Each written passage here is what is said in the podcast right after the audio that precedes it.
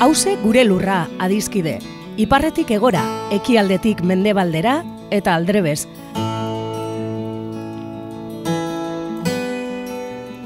Lurra bakarra dugu edo gaituen lur bakarra da hause. Eta zaintzak dan hori dagokigunez, hemen horretaz egingo dugu berba. Lurraren zaintza kontu ekonomiko, ekologiko eta politikoa da, baita kulturala, kolektiboa eta publikoa.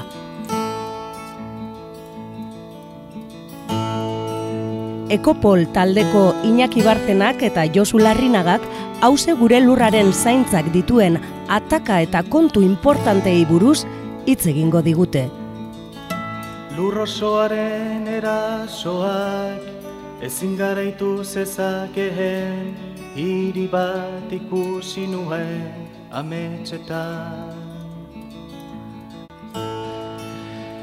Kaixo entzuleok, hause gure lurra irratsaioan zaudete eta betiko moduan gure solaskidea Josu Larrinaga soziologo kaseta, kasetaria eta antropologian irakaslea eta ekopoleko gure ikerkidea. Gaur e, ze gaia e, ekarri duzu irratsaiora? Ba, bueno, beste batxutan jadani jorratutako gai bat, e, animalismoa, e, abere gintza, e, guzti horrekin e, aspaldiko partez sorpresa handia hartu dut e, e, liburu batekin, e, idazle frantziar baten e, liburu bat, e, Jocelyn e, Porcher, Porker, deitzen dago da, e, bere abiztena da porkerua, e, txerri zaina, ez da? Eta oso proposa da kontatzen duena, duenerako, ez da? Liburua deitzen da animaliekin, aberekin, esan beharko genuke segurazki hobetu euskeraz, abereekin bizitzea, eta azpititula da, e, abeltzantza industriala eta azkapen, e, animalien azkapenaren kontra, ez da? E, hau da, liburu hau ganaderitzaren aldarrikapen e, kantu bat e, da, eta igual interesgarria da ere kontatzea, liburuan zeo zer kontatzen du berak, ez da? E, emakume hau e, irurogei paristarra da, irurogei garren amarkadan ba, hori, landa ere motara joan zen bizitzera, han hasi zen lan egiten e, aberekin, kontatzen du berak, etxalde tradizional batean, baina gero, ba, bueno, ba, horre apurketa sentimentalaren baten ondoren, ba, bera gelditu zen e, kalean eta lana topatu zuen e, txerri azleen e, etxalde industrial batean. Eta gero, ba, jadanik e, ganaderitzan e, formatzea erabaki zuen, azkenean bukatu zuen e, e, ingieneritza ikasten, eta gaur egun da e, ikerketa zuzendaria ba, Frantzian dagoen e, hori Frantziako estatuan e, e, nekaz, e, abeltzaintzaren e, garapenerako dagoen instituto ofizialean, ez da? Berriro bizi da Parisen eta esaten du orain e, katu bat daukala beti egon behar duela hori abereekin. Eta e, e, esaten dudan moduan egiten du abere gintzaren e, aldarrikapena eta egiten du gainera feminismotik nolabait eta bueno, azpimarratu behar da prologoa e, Kataluniako talde batek e, idazten duela e, Espainiako edizioaren e, prologoa Ramaderes de Katalunia orain dela urte batzuk e, Barcelonan e, e, martxoaren sortxiko koordinadoran e, ba, martxoaren sortxiko mobilizazioa konbokatzeko e, talde feministek egiten duten e, koordinadoran e, bueno, horro onartu zen e, komunikatu bat edo manifestu bat e, e, nolabait oso animalista eta ganaderitzaren kontrako ere argudioak bota zituena, nolabait feminismoa eta animalismoa lotzen, eta sekulako erreakzioa egon zen e, landaguneetan bizi diren emakume feministen aldetik eta hortik sortu zen e, e, e talde hau Ramaderes de Catalunya eta orain leku askotan agertzen dira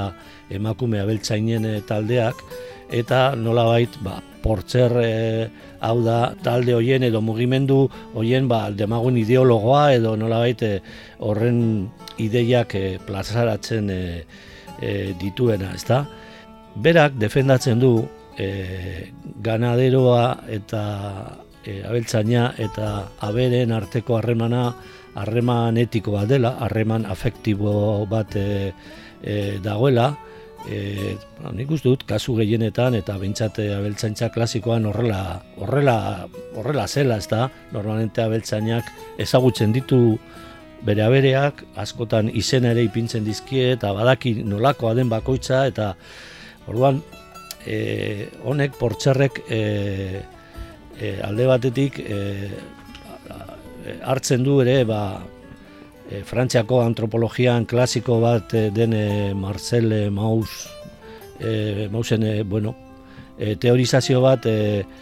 Mausek esaten du, e, deskubritzen du nola bai, bera gabineteko antropologoa zen, hau da, bulego batean zegoen, leku askotatik jasotzen zituen informazioak, eta berak planteatzen du, badagoela munduko leku askotan, badagoela gizarte guztietan, nola bait, harreman ekonomiko bat e, ez dena merkatuarena, badela e, doaitza edo emaitza deitzen den e, zera. Ez da, hau da, e, leku askotan, eta pentsatzen badugu gure bizitzan ere danok egiten dugu, ba, lagun bati edo ezagun bati edo askotan e, ez ezagun bati ere nola baiteko doaitzak egiten dizkigu zeo zer ematen diogu debalde, baina nola bait elkarrikekotasun harreman bat sortzeko, ez da? Normala den moduan, persona bati zeo zer ematen baldin badiozu, ba gero persona hori sentitzen da zurekin behartuta edo sorduna, eta nola ere gero ba, hori batez be, nik esango nuke, egia da, landa guneetan eta lan egiteko ere txerria hiltzeko edo e, belarra biltzeko udan edo, ba, normala zen adibidez, ba, basarri askotxoren arteko jendea batzea, ba, gaur Jose Mariren belarrak egiteko eta bihar Auroraren belarrak egiteko eta etzi ba, beste ba, basarri bateko zera, ez da, hor nola baiteko hori emaitza edo doaitza bat egiten da, ba, adibidez txerria hiltzen zanean lehen basarrietan, inkluso nik esango nuke oso ritualizatuta zegoela, ez da, da txerriaren hilketan parte hartzen zuten beste basarrietako personak, gero basarri horietan, horietara eraman behar ziren txorizo batzuk edo odoloste batzuk, eta zen e, zero gehiketa bat zen, osea, azkenean e, goikoetxeatik e, bekoetxeara eramaten ziren e, zera odoloste batzuk, eta bekoetxeatik goikoetxeara ere eramaten ziren e, odoloste kopuru berdina. Bakarrik ematen zuen gero, balako e, gaiztakeriak esateko zutondan, ez da, ze gaiz, ze txarrak dira, beko etxeako odolosteak asko gozoa dira, gozoa dira goikotxeakoak, ez da, baina, bueno, hori zen azkenean, e, zea guztia, baina hor nola baita ritualizazio bat zegoen, eta hori doaitzaren zera. Orduan, portxarreak esaten du, aberekiko harremana, abeltzaina eta aberekiko harremana doaitzan oinarritzen dela, ezta? Aberei ematen zaie bizitza duin bat, elikatzen zaie, arriskurik gabeko bizitza e, ematen zaie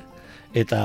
horren e, zera ba, eskatzen zaie lana askotan, ez da, itiak edo astoak edo zaldiak edo mandoak eta e, bai, azkenean ere ba, e, eriotza eska, e, eskatzen zaie berak ere esaten du ba, eriotzaren e, hiltzearen momentu horretan ere nolabait harreman afektibo bat dagoela eta hor badagoela e, ez dela trantze errez bat, esaten du ere gaur egun e, oso baldintza eskazetan egiten dela, baina baldintza no, klasikoetan edo, ba, ba, ere e, e, hiltzearen eta eriotzaren e, duintze bat, ez da? Eta esaten du berak nola bait problema dela gaur egungo gizarte modernoan gizakiok orokorrean eriotxarekiko oso harreman arrarua daukagula, ez dakigula onartzen, ez dakigula afrontatzen, beti izkutatuta euki behar dugula eriotxaren eh, inguruko zea guztia, eta horrek ere ekartzen duela problema gaur egun animaliekiko e, animaliak edo abereak hiltzearen e, momentuan, ez da? Baina guzti hori, hori oso ondo argudiatuta, horrek eh, eramaten du portzer, argita garbi, e, kontzeptu berri bat sortzera, eta berak esaten du, ganaderitza e, tituluan, azpi tituluan, ganaderitza industriala erabiltzen du, baina gero sortzen du e, konzeptu berri bat, eta konzeptu berri hori nolabait berria da e, bera abere produkzioa esaten du, ezta? Esaten du halako e, etxalde industrialetan egiten dena animaliak entzerratuta askotan adibidez ba hori txalak beti e, etxanda egon behar izatea, okela samurrago izatea, ba, txarrien e, az, aztea izugarrikeria da, ez da askotan e, e, salatu dena, ba, berak esaten du hori ez da ganaderitza, hori aberen produkzioa da. Ezta? Eta esaten du, animalien askapenerako mugimenduak eta animalismoa ba, horretan e, okertzen dela eta batzen duela nola edo juntatzen duela ganaderitza edo abeltzaintza e, aberen e, produkzioarekin, ezta? Eta nola horrek eramaten du ere salatzera e, animalismo honen azken, ba, bere ustez, gehiagikeri bat, eta zuzen ere esaten du bera animalismoa emaitzak bilatu nahian, azken urteotan e, agartzen ari dela miresmena edo atsegipena oraindik oso azmentetan dagoen e, animalirik gabeko okelaren edo aragiaren e, produzioarekin, ez da, hor badaude teknika bat, okel sintetikoa edo okela e, zelulen bidez azteko, e, oso oso zalantza jartzekoa da benetan hori inoiz lortuko dutela aragiaren e, balio proteinikoak eta bai, baina zaporeak eta formak eta bar, ba, oso oso zalantzagarria da, baina berari ematen dio e, atentzioa nola bait e, animalismoa alako prozeso segurazki horrek ere ekarriko ditu e, eskatuko ditu sekulako energia zeuketa, zauketak eta segurazki ba, horrek bali, zeo zertan balio izatekotan ba, balio izango du ba, burgesak edo edo edo orokorrean aragi prozesatuak eta hau da e, e, kalidade gitxiko aragi antzeko ze, produktu batzuk e, e, sortzeko, ez da? Eta, bueno, ba, berak ere, ba, bere produkzioaren kontra dagoen e, neurrian, ba, ere, e, zera berri hoien e, eta orduan bere aldarrak guztia da, nola hori ganaderitza tradizionalena. Ez nago ni ados planteatzen dituen kontu askorekin, ez da, adibidez, momentu batean esaten du, ba, basoak ardientzat izan behar direla eta gelditzen badalekua otxoaren txat ba ondo eta bestela pues, otxoak e, izorra daitezela gutxi gora bera esaten du eta zan nahi dut bera frenadatik ere pasatzen da baina nire ustez ba, sartu da ez, animalismoaren eta inguruko eta ganaderitzaren inguruko zera ez da gaur egun oso biziri dagoenan, basartu da nolabait elefante bat bezala katxarreria batean, baina oso argudiatze onak erabiltzen eta oso jarrera gainera borrokalariarekin, ezta? Eta esan, esan da ba nolabait ere ba e, e, bizitza rurala, ekologismoa nolabait eta feminismoa aldarrikatzen. E, fa, e, komunismoa ez du aldarrikatu bentsat ganaderitzaren alde pepekoek e, egiten duten moduan, ezta? Baina e, bai, bai nire ustez izan da hori oso oso liburua eta oso argudiatze berria, freskoa eta nola bait kolokan jartzen zaituena, ezta? Ediziones El Salmón izeneko argitaletxean dago gazteleraz eta Bueno, ba, oso interesante. Nik gai hau e, ateratzen danean beti etortzen zei burura nire alaba nagusiak e, kontatutako anekdota eta bere lagun baten pisuan, estudianten pisuan, e, nire alabaren laguna, bueno, ba, e, debekaturi zeukan e, bere saltzitzak eta bere txerrikiak e, oskailuan sartzen, baina bere pisukide animalista batek e, bere katuarentzat e, okela latak sartzen zituen, ez? Eta hor e, nolabait dizkanbila ederra sortzen ziren bion artean animalistak esaten omen zion e, ba, besteari ba, e, katuak ez du aukerarik, ez? Katua ezin bestean e, okela jan behar du bizi alizateko, baina guk bai, ez? Guk e, gizakiok aldugu e, okelarik gabe bizi, ez? Bueno, ba, Iruditzen zait, e, bueno, e, adibide oso, ez dakit, oso evidentea ikusteko, ba, bueno, ba, ze arazoak ditugun, e, bueno, zuk esan duzun bezala, animaliekiko harremanekin, eta baita ere, elikaduraren e, asuntuetan zenmotako problemak ditugun, ez? E, orain zuk esan duzun bezala, ba, bueno, eh, asmakizun teknologiko berri horietan, ba, nolabait, eh, hori, ba, okela sintetiko eta artifiziala egin nahi dugu, e, kontutan hartu gabe, ba, hori martxan jartzeko, oza, proteina horiek e, ezakit, merkaturatzeko, ba, zenolako baliabideak eta zenolako ba, triskantzak egin behar ditugun, ez? Orduan, hor dago alde batetik e, nolabe gure mundu hontan, konsumismoaren mundu hontan, e, bueno, oitu gara egunero e, proteina animalia jaten eta alik eta gehien, eta horretarako makroetxaldeak, makrogranja horiek behar ditugun, e, sortzen dituzten problema guztiekin, ez? E, pasan egunean ikusi nuen e, dokumental bat, demen, e, bihar, e, e, frantzes batzuk eginda, eta hor agertzen zen e, irakasle ara, e, zea, arabiar bat uste dut zala, Afrikarra, eta esaten zuen, e, animalien arteko harremanetan, lehoia, e, bueno, lehoia antilopeak eta zebra jaten ditu, ez? Baina zebrak eta antilopeak bere aurretik pasatzen direnean, pasatzen dira, bueno, jakinda, lehoiak edo tigreak edo animali hoiek jaten dutela beste animaliak, baina ez dutela esklabizatzen, ez, ditu, ez ditutela akumulazioaren kapitalaren negozio hori bilatzen, ez? Eta hori da diferentzia.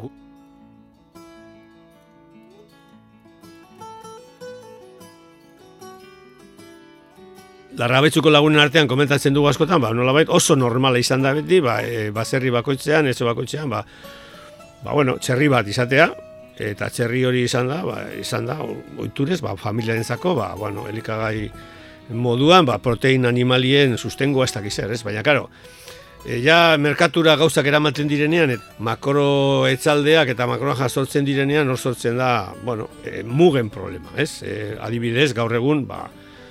ba, Nafarroan edo, edo Katalunian edo Espainiako beste lekuetan planteatzen dana, ez? Zenbat lur, zenbat ura, zenbat e,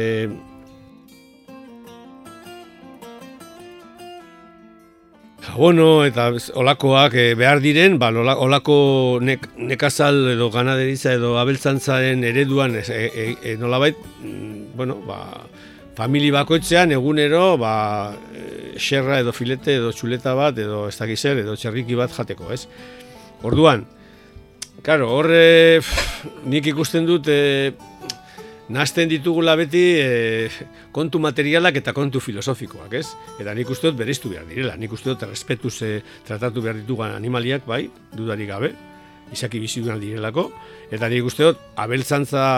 estenziboak edo, edo gure baserrietan, bueno, teoriaz, e, animalien bizimodua ez da izan mm, esklabista, ez? edo ez da izan, bueno, baina bestalde batetik dago, dago ezin dala baserri bakoitzean e, dozena bat e, txerri izan. Hau da, muga daudela, ez? Pasan egunean ikusi nuen e, e, iraultzatzikien akampan ikusi nuen gestu polit bat e, animalisten aldetik, eta da beste eredu, elikagai eredu batera e, eltzeko,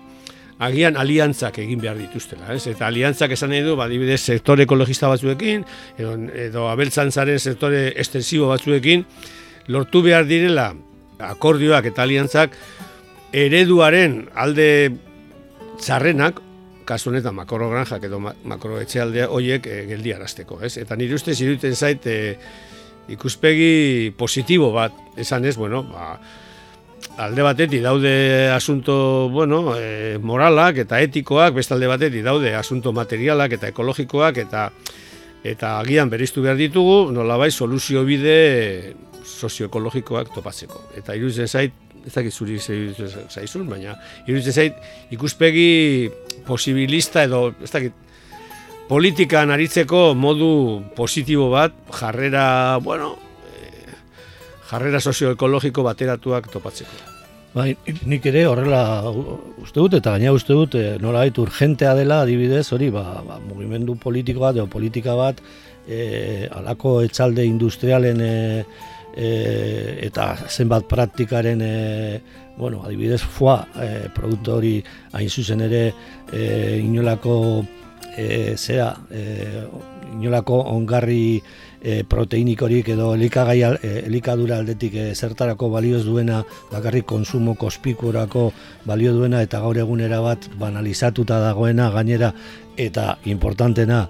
e, hori produzitzeko animal oka edo ahata baten e, sufrimendua ezinbestekoa da, ba, desagerrarazi dezagun e, produktori, ez da, abolitu dezagun, ba, ba, beste gauza batzuk abolitu behar dire moduan, baina e, nik ez, esango nuke askotan e, e, animalismoan beste mugimendu batzuetan bezala, eta horretaz ere ez da gago libro ez ekologismo ez ez ez, da,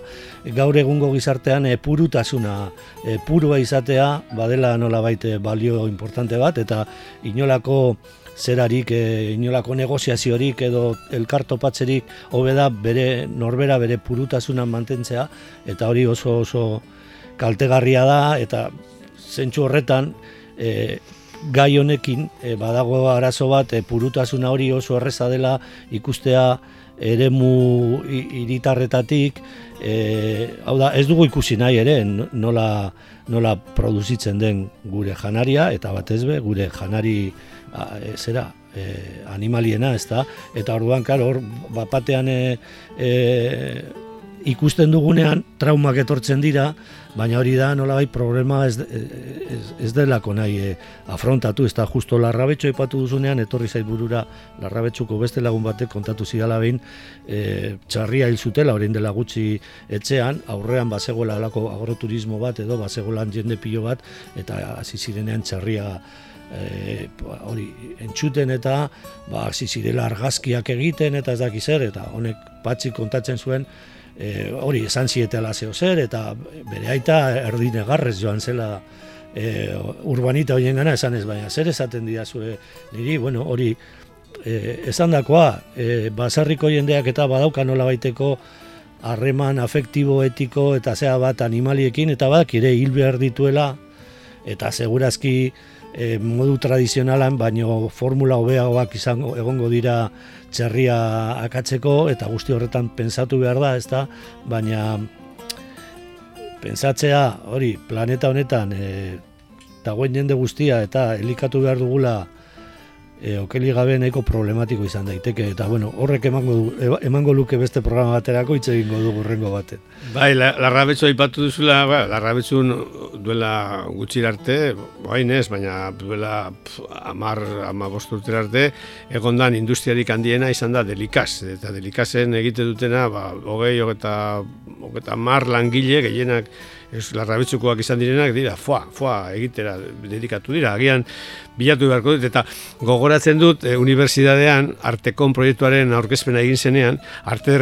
ikasle urbanita batek esatizugu, zelan, saltxitxoia gazta eta fua, fua hori hori jango duzuen, nik esan, bueno, ba, bai, larrabetzutik ikarri dugu, agian, bueno, ez da, e, bueno, oso politikoki zuzena, Baina beste batek esaten zion, be, zuk edaroa zunze zapatak be bai larruzkoa dira, eh? animali batekin egindakoa dira. Bueno, hor, ez da bai da horiek, nik uste dut, ez da bai da nahiko, bueno, egiten dira, antzua dira, jakin behar dugu purutasunetik eh, aldenduz, bueno, labait irten bide sozioekologiko egokiak eh, bilatuz, eta horretako, ba, bueno, e, musikak agian laguntzen du, ez? E, ze, ze, ze, ze kanta ekarri diguzu gaurkoan? Bueno, ba, gaur eh, hor dago klasiko bat e, Dilanen kanta bat, esaten duena ez noa berriro e, magiren e, etzaldera lan egiten, ez da? Gona guortu magiz farno mor, eta hor esaten du momentu oro ba, oso txarto tratatzen naute e, etzalde horretan, e, magiren e, aita, magiren e, e, neba, eta bueno, eta berak esaten du ez, ez dela berriro joango e, honek Joseline Portzarrek esaten du bai e, industria gintza horretan, e, animalien industria gintza produzio horretan lan egiten duen jendea oso gaizki sentitzen dela bere, bere urarekin, oso autoestima gutxi daukatela eta oso hori dakitenez e, euren baldintza txarrak e, baldintza zelangoa diren eta zelan tratatu behar dituzten animaliak inguru horretan, ba ere oso jende e, markatua eta txarto sentitzen dena dela. Ezta? Orduan pentsa dezagun magiren e, etzalde horrelakoa dela eta ba bueno, topatu dugu gaur e, e, Bob Dylanen berzio klasikoa baino nahiko, nahiko zera letania astuna da, baina purtso bat antxagarriago topatu dugu Tuz Hiber, Tuz Andemaitalzeko talde, rege taldeko abeslariak e, e, egiten duen berzio bat e, magiz farrena. Bale, ba, entzun ditzagun e, jamaikarrak.